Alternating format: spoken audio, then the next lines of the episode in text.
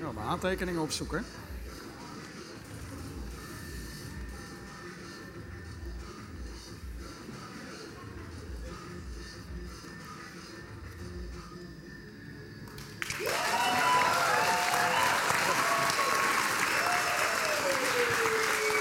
Ehm, goedendag.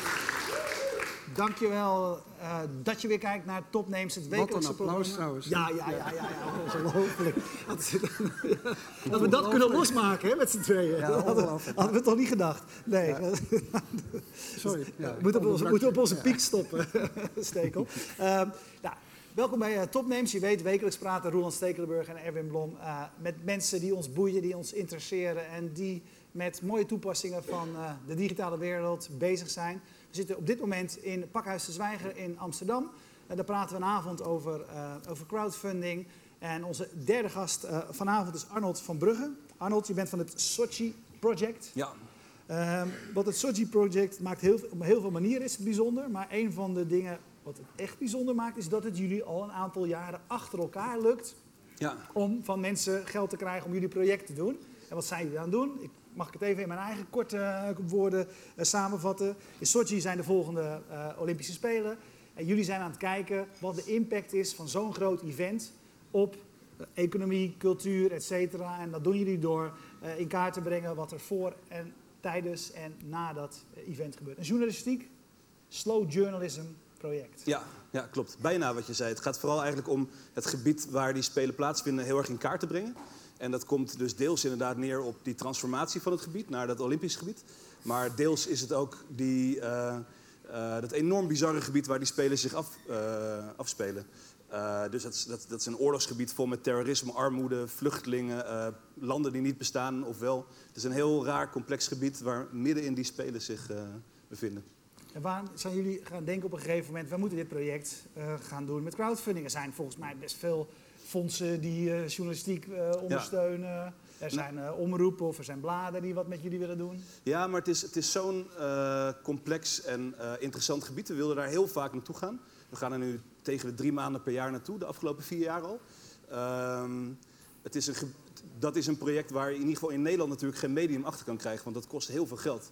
En wat onze achterban is, wat betreft de media, is denk ik Vrij Nederland bijvoorbeeld.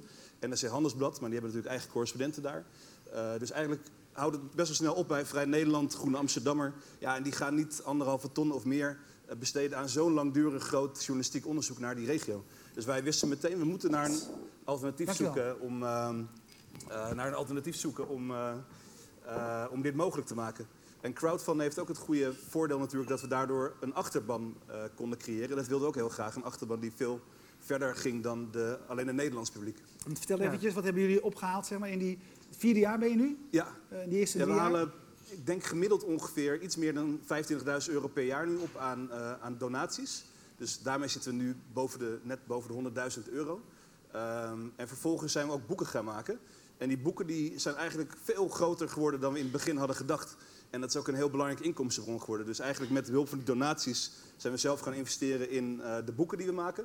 En die boeken verkopen we weer. En die boeken die lopen enorm goed. Eigenlijk zijn ze bijna allemaal uitverkocht. En ik denk dat, dat we daar ook wel ehm 20, 30.000 euro aan hebben verdiend voor dat project, zeg maar, ondertussen. Oké, nou had je wel een interessante eh, observatie, eh, vond ik. Eh, als je de, het aantal donaties bekijkt, of de bedragen, ga je van 22.000, 24.000, 26.000 de afgelopen drie jaar. Maar je zei zelf, het aantal mensen wat bijdraagt is Ja. afgenomen.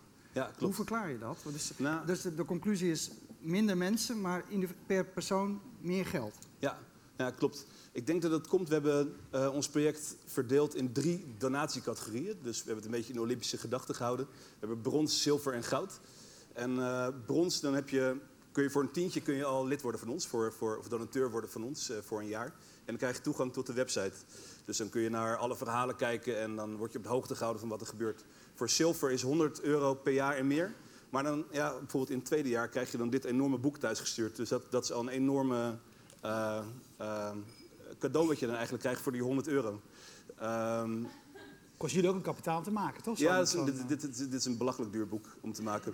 Maar wel heel mooi. Ik bedoel, dit is, eh, ik ben heel trots op het. De mooiste boeken in mijn boek. e- Even terug naar die, Ja. naar die categorieën. Ik neem aan dat je als je brons en zilver hebt, dat je ook nog goud hebt. Maar eerst, Ja. eerst even over brons. Eh, eh, je zegt dat het aantal mensen wat doneert eh, loopt terug. En dat ligt vooral aan die goedkoopste categorie. Ja, die Eh, goedkoopste categorie nou viel het mij niet. ook op, want ik, ik dacht vanavond toen ik op jullie website kwam van... Hey, het viel me een beetje tegen hè, wat, er, wat erop stond aan content. En Mhm. toen las ik ergens van ja, je moet eerst bronzen supporter worden voor Ja. 25 euro.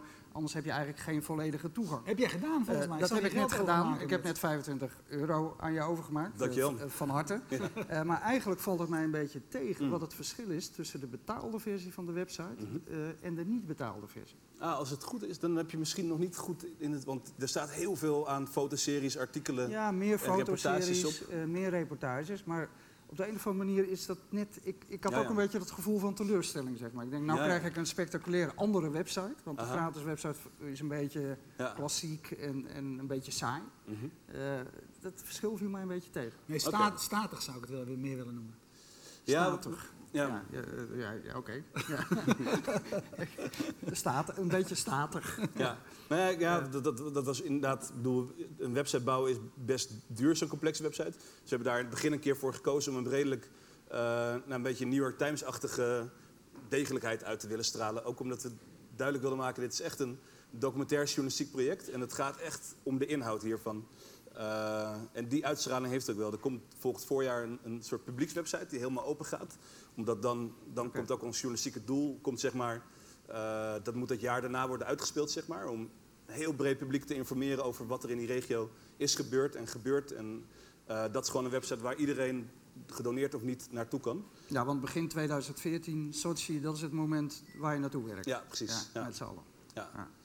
Maar ehm, ja, ik heb je vraag van mij nog helemaal niet beantwoord. Over waarom eh, het, het, het, aantal donaties terugloopt. Ja. Ik denk dus inderdaad dat mensen eh, voor, voor alleen toegang tot een website... dat het niet genoeg is dat je daar mensen niet mee bindt. En misschien komt het inderdaad omdat ik, wat jij zegt dat het dan tegenvalt, die website. En dat het pas tof wordt als je daar boeken en, en andere cadeaus voor terugkrijgt. Ehm, Want Hoe, hoe zijn jullie, zo jullie begonnen, hoe zijn jullie dit project bekend gaan maken? Hadden jullie een eigen netwerk al van mensen? Hè, want dat is wat je vaak hoort. Ja. Hè? Ik bedoel, je begint natuurlijk bij familie, zeg maar, bij wijze van spreken. Maar hoe hebben jullie dit eigenlijk be- best vrij stil en, en, en, onder de radar, zeg maar, zo'n succes gemaakt? Ja, nou dat is op heel veel verschillende vlakken. denk ik. Kijk, we zijn natuurlijk sowieso de cirkel van eh, vrienden en familie zijn we afgegaan. Dat is altijd de, de, de eerste cirkel.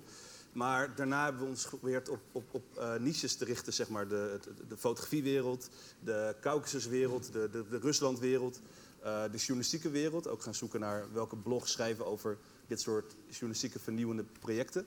Eh, welke blogs schrijven over fotografie en proberen via dat soort media ja, publiek te bereiken. En pu- publicaties in normale media. Dus bijvoorbeeld een van onze grootste successen is raar genoeg geweest, is een, is een interview in de VPRO-gids.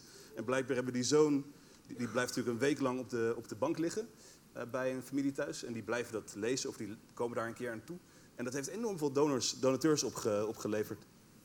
Eh, dus, dus dat soort publicatie in traditionele media, die, die leveren ons vrij veel op eigenlijk. Ja, en hoe, hoe hou je het zeg maar, over zo'n lange periode levend en levendig? Want de, de gewenning is een groot probleem hè, Ja. bij dit soort dingen. Nou, in elk, elk geval zeg maar, richting de donateurs om eh, elk jaar met een totaal ander eh, publicatie te komen naar die donateurs.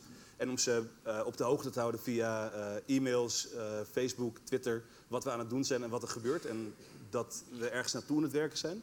Dus er is een heel duidelijk einddoel natuurlijk waar we naartoe, naartoe werken. De, de eindpublicatie en de tentoonstellingen en de Olympische Spelen zelf. Ehm, ik, denk, ik denk dat dat heel erg goed werkt. Dat mensen die, zodra ze één boek hebben, willen ze ook het tweede, derde, vierde, vijfde boek hebben. Een soort, om een soort compleet, complete collectie te, eh, in bezit te hebben. Hey, een, eh, een ander journalistiek project wat ik eh, me herinner en wat, ook, wat ik zelf heel erg leuk vond, was Olaf Koens. Die, die, Ja. Oost- in, in het Oostblok, zeg maar. Had maar 1000 euro nodig volgens mij om zo'n project te doen. Ja. Maar wat je daar zag was, als, als, als, alsgene die een tientje stortte, meer was het niet. En daardoor een directe band kreeg en hij ging vertellen over de problemen die hij had, had, had bij zijn werk. Het eindproduct is nooit gehaald, maar het wordt leuk om te volgen. Hij heeft zelf zoiets van, nou ja, één, keertje, één- één keer was leuk. Ja, Ehm, eh, dus hij is het voorbeeld van, eh, als het een novelty is, eh, werkt het. Jullie zijn een voorbeeld van, het kan ook op lange termijn een succes zijn. Ehm, maar aan ieder van de gasten vanavond vragen we eigenlijk, als, er, als, als een collega journalist, fotograaf, filmer, et cetera, bij jullie komt en die zegt Mhm. van ik wil dit ook gaan doen. Eh, welke, welke eerste les geef je ze mee? Ja, in ieder geval inderdaad de waarschuwing. Wat jij ook zei, dat, het een- dat je echt een soort nieuw bedrijf opricht hiermee. Eh, en vooral in de journalistiek documentaire tak waar, waar, waar dit in, in, in hoort natuurlijk, of kunsttak ook. Eh, daar zit een heel kleine marge op. Dus wij, het is heel moeilijk om hier zelf geld aan, aan te onttrekken, zeg maar, of aan, aan te verdienen. Is het voor jullie alleen de, zeg maar, de onkostenvergoeding? Ja, precies. Ja, ja. Dus nou ja, onkostenvergoeding in de zin dat we de kosten betalen, maar niet, niet eigen dagen daaruit kunnen betalen. Dus wij moeten echt proberen te verdienen met publicaties weer in de traditionele media eigenlijk.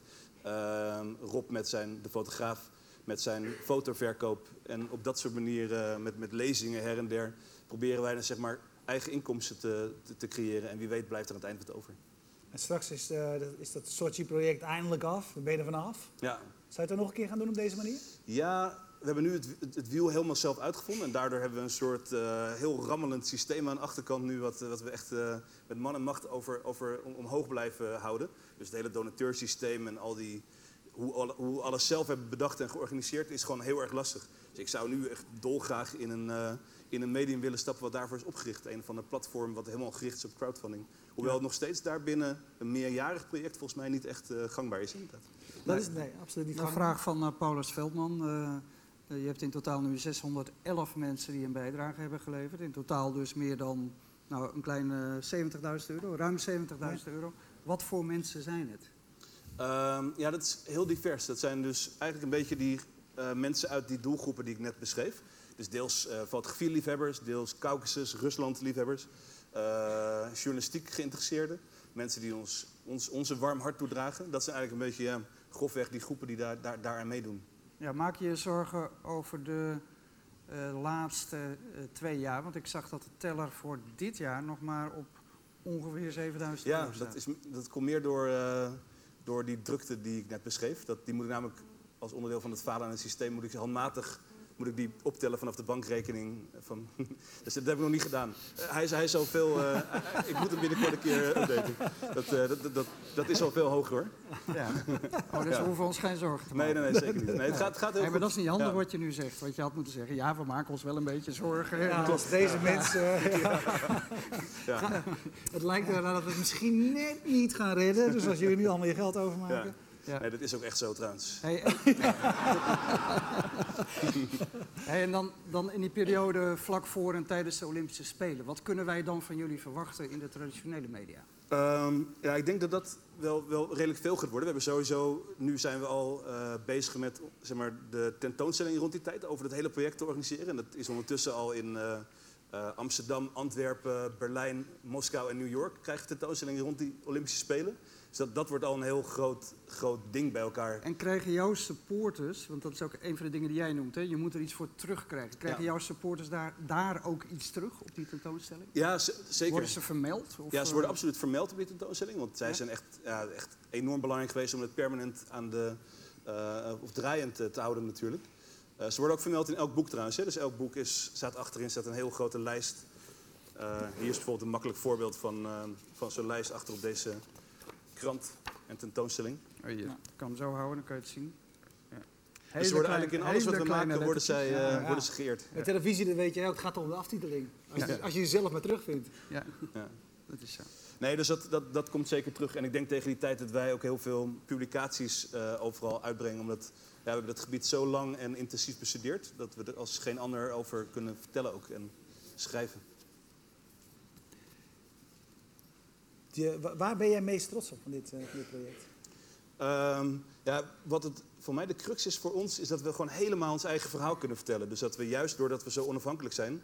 dat we dit echt veel te duur gemaakte en veel te mooi uitziende boek over Abhazie kunnen maken. Een landje waar echt niemand ooit van gehoord heeft. Wat dus volgens de Verenigde Naties ook helemaal niet bestaat. Maar wat naast Sochi ligt. Dus als je straks, waar Sven Kramer zijn rondjes gaat schaatsen, daar, daar kun je vanuit de stadions kun je dit landje zien liggen. Zo, zo dichtbij ligt het. En dat we zo'n mooi boek hebben kunnen maken daarover, ja, dat, dat vind ik echt fantastisch. Dit blijft echt tot aan, me, aan het bejaardenhuis een trots in, eh, in de boekenkast. Ja? Ja. En, en, is hij- en- maar kunnen mensen dit ook nog gewoon kopen? Of zijn dit dingen die echt... Is, Ja, is- deze is is- jammer genoeg meteen heel snel uitverkocht. Maar we proberen nu te sparen, of we zijn nu aan het sparen voor een herdruk hiervan. Ehm, zijn jullie daarin ook een beetje, toevallig ben ik inhoudelijk eh, dan geïnteresseerd in dat gebied, maar zijn jullie niet ook een beetje afgedreven van je oorspronkelijke doelstelling? Want je noemt nu Abhazie, ik zie ontzettend veel over Abhazie. Abhazie is een oorspronkelijke regio van het land Georgië, wat Ja. betwist wordt tussen Rusland en Georgië. Ja. Heeft eigen, ligt ook aan de Zwarte Zee, maar dat is ongeveer de enige overeenkomst met. Nou ja, met, wat ik eh, net Sochi. zei, je kan vanaf de, de schaatsstadions van, van, van de Olympische Spelen... kan je Abhazie zien liggen. Dat is de volgende bocht.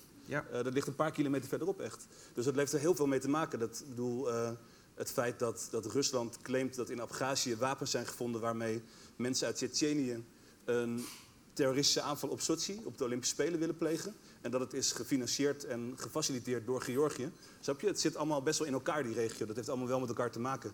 Dus Ja. het, het is wel relevant. Ehm, dus ja, we- zo, zo behandelen we die hele regio. Maar laten we altijd niet onvermeld dat, dat, het, dat het wel relevantie heeft tot Sochi. Maar goed, een belangrijk ding hoorde ik jou net zeggen. Natuurlijk is het mooi dat die financiering is, maar het zorgt er ook voor dat jij als onafhankelijk maker de pro- producten kan maken Ja. zoals, je- zoals jij ze wil maken, zonder dat je afhankelijk bent van een ander. Ja, zeker. Bijvoorbeeld, dit is ook zo'n heel mooi. Dit is een krant dat gaat over een heel klein dorpje. eh, wat aan de andere kant van de bergen ligt bij Sochi. Dus het heet ook, de titel is ook aan de andere kant van de bergen. Ehm, en het is, het is een heel klein documentair portret over, over dat dorpje. En het is een heel mooi contrast met Olympische Spelen waar 40 miljard dollar in worden gestopt. Dat zijn, worden de duurste winterspelen ooit. Omdat alles helemaal gebouwd moet worden. Het vliegveld, havens, snelwegen, treinen. eh, alle faciliteiten moeten gebouwd worden, alle stadions. Ehm, en aan de andere kant van de berg ligt een dorpje waar geen gas en elektriciteit is. En waar gewoon een heel klein provinciaal Russisch leefje zich afspeelt. En dat vind ik heel mooi om daar zo'n groot verhaal over te maken. En om dan ook heel erg na te denken over de vorm. Deze krant, als je die uitvouwt, als je twee van deze kranten uitvouwt, dan kun je een heel grote tentoonstelling maken. En die tentoonstelling over het dorpje heeft ook weer de hele wereld rondgereisd. Die heeft, omdat je gewoon twee van die kranten in een envelop kan doen. En je stuurt hem naar Nieuw-Zeeland van mijn part. En daar wordt hij tegen de muur opgehangen. En opeens hangt daar onze tentoonstelling over een dorpje in, eh, aan de andere kant van de bergen bij Sochi. En dat vind ik echt ja, heel tof, dat soort Ja, producten. Het is prachtig om te maken waar je in gelooft. Ja. Eh, maar welke feedback krijg je van de mensen waar, die je helpen het te, te, te, financieren? Eh, bedoel je, Uh-huh. want jij zegt, prachtig dat je over zo'n klein dorpje daar en daar. Ja, Wat zeggen die mensen die jullie, Ja, jullie ik denk, een handje dat helpen? zij ook wel heel erg, want voor mij hebben we dat ook wel vanaf het begin even heel erg, aan, heel erg duidelijk gemaakt. Dat wij juist, dat we niet een, een heel erg sportverhaal gingen maken bijvoorbeeld, of een heel erg verhaal over de Olympische Spelen. Maar dat het juist over die regio en die context ging. En wat mensen denk ik heel erg waarderen is de manier waarop wij die kleine verhalen eh, verzamelen en dat tot een groter verhaal maken. Eh, en dat ze daardoor, eh, bovendien houden mensen heel erg van de fotografie van Rob. Die is ook in de afgelopen vijf jaar, vier jaar dat we dit doen, is die ook echt bekender geworden in Nederland en daarbuiten. Rob Hornstra, de fotograaf. Dus ik denk dat, ehm, ik denk dat, ehm, dat, dat het daaraan ligt. Dat mensen het heel mooi vinden hoe wij dit documentair benaderen. En dat, dat ze zien dat het een geheel wordt uiteindelijk. Nog even terug naar het thema van vanavond. Eh, laatste vraag daarover. Eh, jij vertelde één anekdote die denk ik nog wel belangrijk is. Of dat schreef je ergens. Dat jullie wonnen op een gegeven moment de World Press Photo Award met foto's uit Sochi. Ja. En er liepen gelijk donateurs weg. Eh, Ja. Met andere woorden, op het moment dat die urgentie weg is en mensen denken... oh, die jongens zijn succesvol, die hebben straks eh, exposities all over the world... en ze worden beroemd met dit project. Ja. Jij krijgt er geen donateurs meer bij. Nee, dat is heel gevaarlijk. Eigenlijk precies waar jij me net voor waarschuwde. Van niet enthousiast maar je hebt doen. het toch ook niet meer nodig? Laat zien, Nee, dat je, het, eh, laat je hebt- zien dat je het nog steeds nodig hebt. Ja, maar dat heb is je heel het erg nog waar. nodig? Heb je ja, het nog nee, nodig? zeker. Ja, we zijn heel erg bij elkaar aan het, aan het, aan het eh, hoe zeg je dat? eh, Aan elkaar aan het knopen. Ja. Ja. En ehm, het, het, het is, het is gewoon heel erg ja, balanceren om, om alles eh, rond te krijgen, die boeken. Ook omdat we onszelf hoge eisen stellen. Hoor. Ik bedoel dat we niet eh, dat we dit soort boeken uitbrengen die gewoon duur zijn om te maken. Eh, daarmee leggen we de lat ook heel erg hoog. En we gaan heel lang op reis. We kunnen ook korter op reis gaan, maar dat gaat ten koste van de inhoud. Dus ja, weet je, het blijft heel erg krap allemaal. Maar wel heel mooi. En bedoel, we hebben elke donatie inderdaad zeker nodig nog het komende jaar. Eh, maar het gaat ook heel erg goed tegelijkertijd. En daar ben ik heel enthousiast over. Oké, dankjewel. Sochi-project. Eh, ja, jij, dankjewel. Normaal gesproken zou ik dat nooit doen. Maar we nemen vandaag eigenlijk drie uitzendingen op. Ik zou normaal gesproken nooit op één avond natuurlijk drie keer vertellen dat er een boek uit is wat je kan kopen. Eh, maar het zou toch echt zonde zijn als je nu on demand kijkt en die boodschap niet meekrijgt. Dus crowdfunding, eh, realiseer je droom zonder bank of subsidie thuis. Je kunt hem bestellen bij Bol Managementboek, noem maar op. Hier in de zaal, je kunt hem daar kopen. En ehm crowdfunded.nl is het eh, URL waar we de projecten gaan volgen, gaan volgen en begeleiden. Die eh, ook gaan proberen hun eh, droom te realiseren. Ehm, wij bedanken jou hier eh, voor de aanwezigheid. We bedanken jullie thuis voor het kijken. Maar nog veel meer bedanken we jullie natuurlijk hier in De Zwijger om erbij te willen zijn. Dank je Dank u wel.